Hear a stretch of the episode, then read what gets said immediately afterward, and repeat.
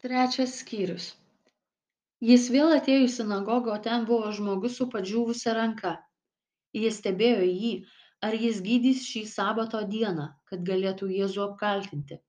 Jėzus tarė žmogui su padžiūvusia ranka, stok į vidurį, o juos paklausė, ar sabato dieną leistina daryti gerą ar blogą, gelbėti gyvybę ar žudyti, bet anie tylėjo. Tada rūščiai juos apžvelgęs ir nuliūdęs dėl jų širdies kietumo, tarė tam žmogui, ištiesk ranką. Šis ištiesė ir ranka tapo sveika kaip ir kita. Išėję fariziejai tuo jau pradėjo tartis su erodininkais, kaip Jėzų pražudyti. O Jėzus su savo mokiniais pasitraukė prie ežero.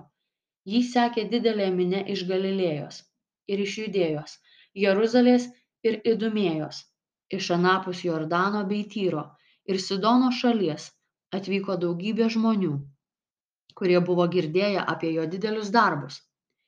Jėzus liepė mokiniams laikyti jam paruoštą nedidelę valtį, kad minė jo nesuspaustų. Mat jis buvo daugelį išgydęs ir visi, kuriuos kankino lygos, veržėsi prie jo, norėdami jį paliesti. Taip pat netyrosios dvasios, vos tik jį pamačiusios, parpuldavo priešais jį ir šaukdavo, tu esi Dievo sūnus.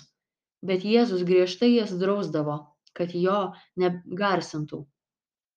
Jėzus užkopė ant kalno ir pasišaukė, kuriuos pats norėjo, ir jie atėjo pas jį. Jis paskyrė dvylika, kad jie būtų kartu su juo ir kad galėtų siūsti juos pamokslauti. Ir jie turėtų valdžią gydyti ligas ir išvarinėti demonus. Simona, pavadinęs jį Petru, Zebedėjų sūnų Jokūbą ir Jokūbo brolį Joną, juos pavadinęs Boanerges, tai yra griaustinio vaikai. Andriejų pilypą baltramiejų matą tomą alfiejų sūnų jokūbą tadą simoną kananietį ir judą iskarijotą kuris jį ir išdavė. Ir jie grįžo namo. Vėl susirinko tiek žmonių kad jie nebegalėjo nė pavalgyti. Saviškiai apie tai išgirdę ėjo sulaikyti jo sakydami kad jis išėjęs iš proto. Atvykę iš jeruzalės rašto žinovai sakė jis turi belzebulą ir demonų kunigaikščio jėga jis išvaro demonus. O Jėzus, pasivadinęs juos, kalbėjo palyginimais. Kaip gali šetonas išvaryti šetoną? Jei karalystė suskilusi, tokia karalystė negali išsilaikyti. Ir jei namai suskilę, tokie namai negali išsilaikyti.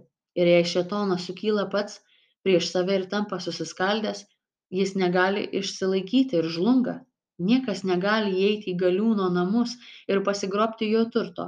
Pirmiau nesurišęs galiūno. Tik tada jis apiplėš jo namus.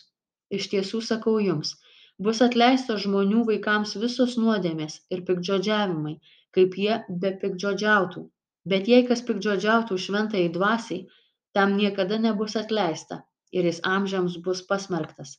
Mat jie sakė jis turi netyrąją dvasią atėjo jėzaus motina ir broliai ir lauke sustoję prašė jį pakviesti.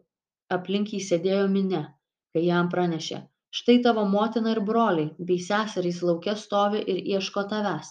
O jis atsakė kas yra mano motina ir mano broliai?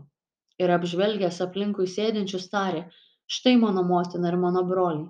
Kas vykdo dievo valią tas mano brolis ir sesuo ir motina